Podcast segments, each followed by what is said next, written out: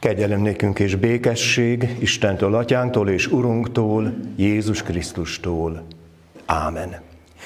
Kedves testvérek, hallgassuk meg az igehirdetés alapigéjét a 130. Zsoltár 8 versében. Így olvassuk.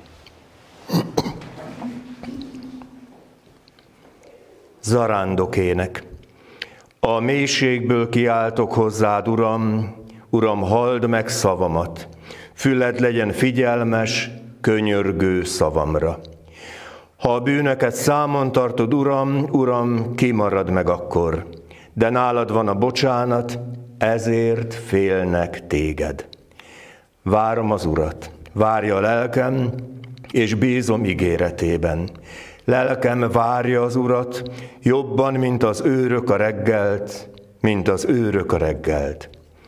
Bízzál Izrael az Úrban, mert az Úrnál van kegyelem, és gazdag ő meg tud váltani.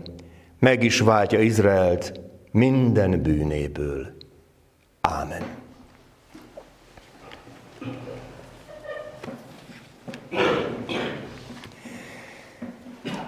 Kedves testvérek,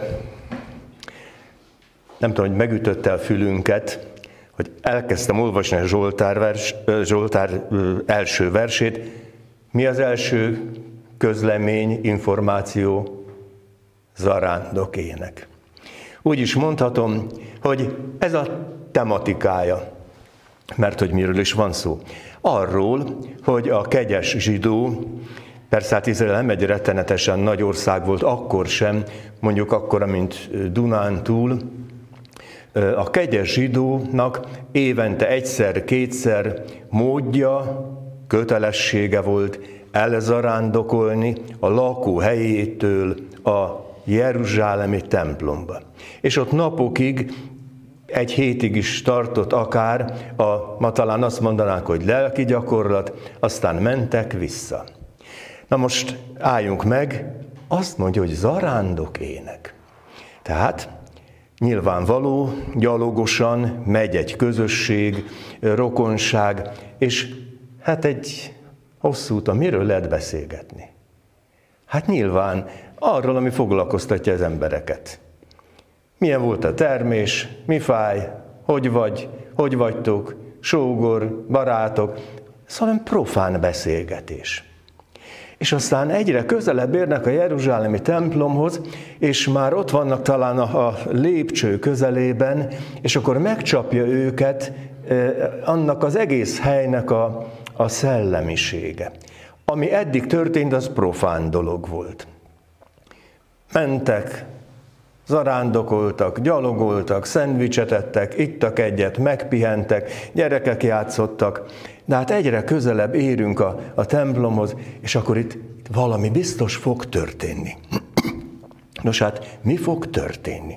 Az fog történni, hogy belekerülünk Isten erőterébe. És ezt a profánt, ezt a teljesen hétköznapit fölváltja majd a szakrális. Fölváltja a szent. És a Salamon király imádságában mondja azt, hogy, hogy amikor templomot épít, és ugye befejeződik a templomépítés és a, a templom szentelésen, hogy hát ez az épület be tudja fogadni Istent, hiszen az egek egei sem tudják befogadni. És az így is van. De mégis érezzük azt, hogy, hogy ebben az utcában is van jó pár ház, de amikor belépünk ide, a, átlépjük a templom mocskánk küszöbét, akkor, akkor azért ez, ez mégiscsak más. És miért más? Nem anyagában, nem színében, nem berendezésében, abban más, hogy miért is jövünk ide. Isten igéjét hallgatni. És akkor, amikor elkezdődik ugye a szertartás, akkor mi úgy viselkedünk, hogy próbáljuk letenni a kinti dolgokat. És nem pusmogunk egymással, hogy, hogy mi újság otthon, meg, meg hogy megy az üzlet. Nem, ezt itt most kizártuk. És ez nem egy szerepjáték, hanem annak a megélése, hogy, hogy jó nekünk úgy itt lennünk, hogy figyelünk. Na most persze figyelem kitüntetetten személy szerint nekem szól, de nem értem félre a dolgot. Én Istennek csak hírvivője és tolmácsa vagyok.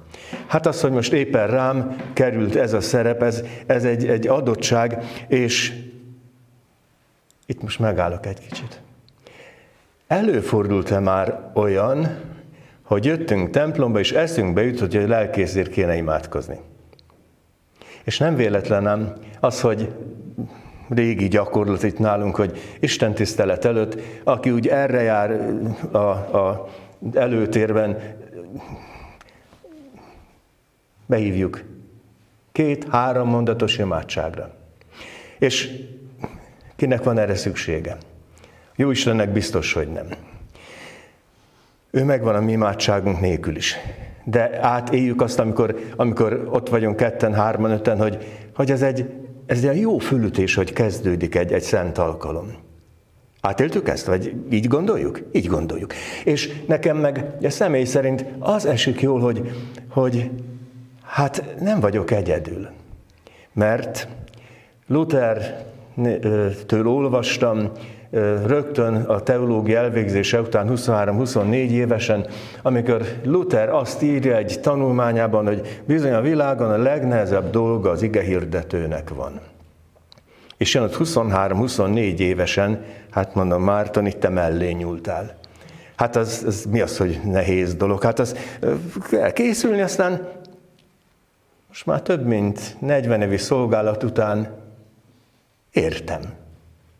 Értem, és érzem is. És azt is értem, amikor fél háromkor fölébredek, és prédikálok, és ugyan készültem, ö, olvastam, de még valami eszembe jutott. Mert hogy ez az a műfaj, amit nem lehet rutinból tenni. Ha rutinná válik egy lelkészi szolgálat, egy papi szolgálat, akkor ott mindennek vége. Mert miért is? Azért, mert megmarad a profánnál. Mert tudok egy-két jó gondolatot mondani, mert olvastam, de lehet, hogyha a szívem távol van tőle, akkor nem hiteles. Akkor a költő ajkán csörömpöl a szó. Nos, ezt éljük meg.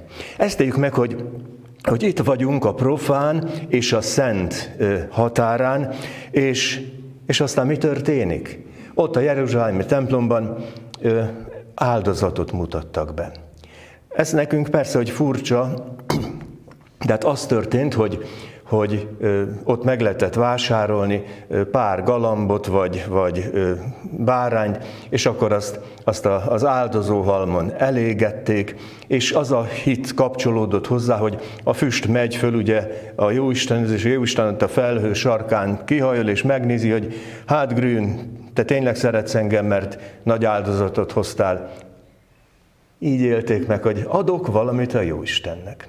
Aztán, aztán én is kapok valami, valami jót. Na, itt történik egy nagyon különös helyzet. Egy német teológus vezette be a teológia tudományába azt a két kifejezést, amit most el fogok mondani. Az egyik distancia, a másik pedig a participáció. A distancia az, amikor átéljük a távolságot. Amikor, amikor úgy érzem, hogy a hétköznapokban semmi köze Istennek az én dolgaimhoz. Átéljük a távolságot akár egymással is. Átéljük a távolságot, hogy, hogy vacillálunk a hit meg a hitetlenség között, a kétel meg a, meg a icipici remény között. Hát ez a, ez, a, ez a távolság. Nem kerülünk közel, ha szabad így mondanom, a tűzhöz. Nem kerülünk közel igazából egymáshoz. Nem kerülünk közel, és nem dobban együtt a szívünk egészen addig, amíg, amíg meg nem értjük, hogy a distancia, a távolság mellett van valami más is, és az a participáció. Ez a részesedés, a részvétel. Amikor már nem idegenek és jövevények vagyunk, hanem átéljük azt, hogy a mi közösségünk, akár az ószövetségi közösség, akár, akár a mi evangélikus közösségünk, részesedik valamiből. És ez a részesedés, ez az Istennek mindenféle jósága. Amikor Jézus azt mondja, hogy, hogy hogy kérjetek az atyától az én nevemben. Még nem az én nevemben kértetek, de most kérjetek az én nevemben. És akkor a mennyei atya megadja, mert szeret titeket. Részesedtek a szentből. És így értjük meg azt, hogy, hogy a distancia az, amikor megfáradtak vagyunk, amikor erőtlenek vagyunk, de megszólal az ige, jöjjetek én hozzá minnyáján, akik megfáradtatok és megvagytok terhelve, és én nyugalmat adok nektek. A distanciából elérkezünk a participációhoz, a részesedés, hogy jöjjetek én hozzám minnyáján. Megvigasztalak benneteket, erőt adok, bátorítást adok. És akkor, amikor mindezt imádságban teszem, akkor tulajdonképpen nem más történik, most nagyon profánul fogom mondani, hogy nekiállok diskurálni a Jóistennel. És mi lesz ez a, a, a diskurálás, amikor kiöntöm a szívemet? Uram Istenem, ez is fáj, az is fáj. Erőtlen vagyok, adj erőt, hálát adunk, kérünk, kuncsorgunk. Ez az, amikor úgy elmegyünk a Jóistenhez, négy szem közt. És aztán ott mi történik? Az történik, ez most lehet, hogy furcsa lesz, hogy Isten minden imádságot meghallgat. Ez eddig rendben van? De nem ez a tapasztalatunk, ugye? Lehet, hogy mi annyi mindent kértünk, de egy biztos, Istennél nincs fogadóra. Meghallgat. És így mondta szellemesen Luther, egy írásában, hogy Isten sokszor azzal hallgatja meg az imádságunkat, hogy elengedi a füle mellett. És ennek nagyon fontos jelentősége van, mert az ember szamárságért imádkozik. Akkor az nem a javára van. És hogyha azt gondolnánk, hogy, hogy imádkozunk szépen, kedvesen, és akkor innentől kezdve oda vet bennünket az élet napos oldalára. Nem vet oda. Lesz betegség, lesz krízis, lesz fájdalom, lesz küszködés, lesz halál, halálfélelem, gyász, annyi minden lesz, de, de ne felejtsük el, így mondja Pálapostól, de ha Isten velünk, kicsoda ellenünk. És való ez a hitnek a titka az, hogy participáció. Ha Isten velünk, ha részesedünk belőle, amikor hallom az igét, akkor, akkor ennek már részese vagyok. És akkor, akkor az engem éltet. És milyen különös, hogy az imádság tulajdonképpen a lélek lélegzetvétele. Az imádság az, amikor, amikor abban a nagyon intim belső szoba csöndjében próbálok valamit megosztani, megérteni, kérni, megköszönni, hálát adni, és, és aztán remélni azt, hogy, hogy az Isten jósága az nem fordul el tőlünk. És igazából ezt éljük meg. Ezt éljük meg egész életünkben, ha ezt komolyan vesszük, hogy hogy, hogy is van. Hát imádkozhatunk az édesanyákért korábban. Imádkozhatunk azokért, akik összekötötték az életüket. Imádkozhatunk azokért, akiket most várunk, hogy világra jöjjenek. Imádkozhatunk azért, hogy megjöttek, hálát adhatunk. Imádkozhatunk azért, hogy, hogy legyen erőnk mindenre. És Pál apostol megint csak azt mondja, hogy, hogy mindenre van erőm, hol? A Krisztusban. Tehát ez nem arról szól, hogy emberek, én majd megmutatom nektek, hogy én vagyok az idól, hanem az, hogy Krisztusban, participáció, részesedés. És hogyha ebben a részesedésben valóban részem van, akkor, akkor én már nem vagyok a, a világ legmagányosabbja. Akkor nem vagyok a világ legelveszettebbje. Akkor így mondja a költő, vagyok valakié. És mindez hogy történik? A részesedésben.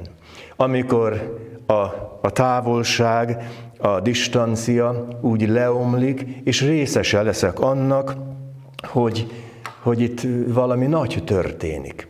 És zarándokének mennek föl a hegyre, és azt mondja a Zsoltáros, így énekelnek, a mélységből kiáltok hozzád, Uram, Uram, halld meg szavamat. Megyek fölfele, ugye a templom dombon, és azt mondja, mélységből kiáltok. Mert mi is az én mélységem? Az, ami a terhem. Az, ami nyomja a szívemet, nyomja a vállamat. És ki az közülünk, aki, aki ne élte volna át azt, hogy földrajzi értelemben mehet akármilyen magasra, a mélységei ott vannak. És hogy ez a mélység mennyire különösen ö, tud félelmetes lenni. Van egy kedvenc példám, hogyha ide kitennék egy pallót a szőnyegre, hogy tessék rajta végig menni, mondjuk 5 métert. Ki félne? Hát miért félnénk? De ezt mondjuk kitenném két sziklaszírt közé, alatta a mélység, hát nem nagyon gondolnám, hogy bárki közülünk úgy merne elindulni. Mert a mélység az félelmetes. És a bennem lévő mélység, hát ezt nagyon jól tudjuk, hogy, hogy vonz, és, és nem enged szárnyalni. Tehát honnan kiáltok én? A mélységből, a mélységemből, és azt mondja, hogy, hogy füled legyen figyelmes, könyülő szavamra. Ha a bűnöket számon tartod, Uram, Uram, kimarad meg akkor, de nálad van a, meg, a bocsánat, ezért félnek téged. Ha a bűnöket számon tartod, Uram, distancia, meg lesz köztünk a távolság, ez a semmi közöm hozzád, és semmi között hozzám érzés, az egy félelmetes, az a mélységnek egy, egy különös megélése, de, de nálad van a bocsánat. Participáció. Én már részesedhetek ebből, mert ezért félünk téged. És várom az Urat. Várja a lelkem, és bízom ígéreteiben. És akkor azt mondom, hogy ez a több évezredes ősi Zsoltár szöveg tulajdonképpen élővé lesz és akár az új szövetségbe is ö, belekerülhetne. Lelkem várja az Urat jobban, mint az őrök a reggelt, mint az őrök a reggelt. Itt valami himnusz-szerű dolog van. Várom, mert hogy a távolságból szeretnék a részesedés állapotába kerülni. És, és mi lesz az egésznek a föloldása? Bízzál Izrael az Úrban, mert az Úrnál van kegyelem. És gazdag ő, meg tud váltani. Az Úrnál tudom, hogy van, igen, egy csomó minden, de meg tud váltani. Participáció, már megint a részesedés abból, amire azt mondja a Biblia, hogy kegyelem. És azt mondja, gazdag ő meg tud váltani, meg is váltja Izraelt minden bűnéből. Aktualizálom. Meg tud váltani, és meg is váltott bennünket, és a megváltásnak részesei lehetünk. Nem egyszerűen csak a, a, a, a szent találkozásokkor, hanem úgy a minden időben. Azt mondja Pálapostól más helyütt, hogy szüntelenül imádkozzatok. Na most ezt nagyon fontos jól érteni. Ez nem azt jelenti, hogy, hogy tekerjük az imamalmot, de kérdezem, értjük? Szüntelenül dobog a szívünk? Szüntelenül veszünk levegőt? Szüntelenül pislogunk? Hányszor gondoltunk rá ma eddig? Hogy veszem a levegőt? Hogy kell pislogni? Hogy, hogy a szívem az teszi a dolgát? Ez a szüntelenség, ez azt jelenti, hogy légy kész, légy készséges. És, és ha ez így van, akkor ez egyszerre ö, oldja a távolságot, és megadja a részesedést. Nos, ezért van hit, ezért van remény, ezért van vigasztalás, ezért van bátorítás, ezért van háladás, azért, mert részesedem Isten mindenféle jóságából. És aztán, hogy az ószövetségi évből eljussunk az új szövetségibe, megváltott, és ki a megváltó? Az, akinek a keresztjére odaírták Jézus Nazarenus Rex Judeorum. a názereti Jézus a zsidók királya, aki utolsó szava János írása szerint a kereszten az, hogy elvégeztetett. Ez nem kérdőjeles, ez nem kijelentő, ez egy, ez egy talán boldog, felkiáltó, jeles mondat, de már nekünk. Jézus halála a mi életünk. És ez a mi hitünk. Így bízhatunk benne. Hogy eljussunk a distanciától a participációig. A távolságoktól a részesedésig. És gondoljuk meg, a részesedés, a részvétel, az, az valami fantasztikus nagy dolog. Gondoljuk meg az asztal közösséget, amikor, amikor részesedünk földi javakból. Gondoljuk meg, amikor részesedünk abban, hogy, hogy a mi hideg szívünk elkezd, elkezd hevesebben dobogni, és hogy mondják a, a Emmausi tanítványok, amikor mennek és fölismerik, hogy Jézus volt az, hát nem hevült a szívünk. Hát ez az igazi részesedés, a hit öröme. Köszönjük meg, hogy ennek mi is részesei vagyunk.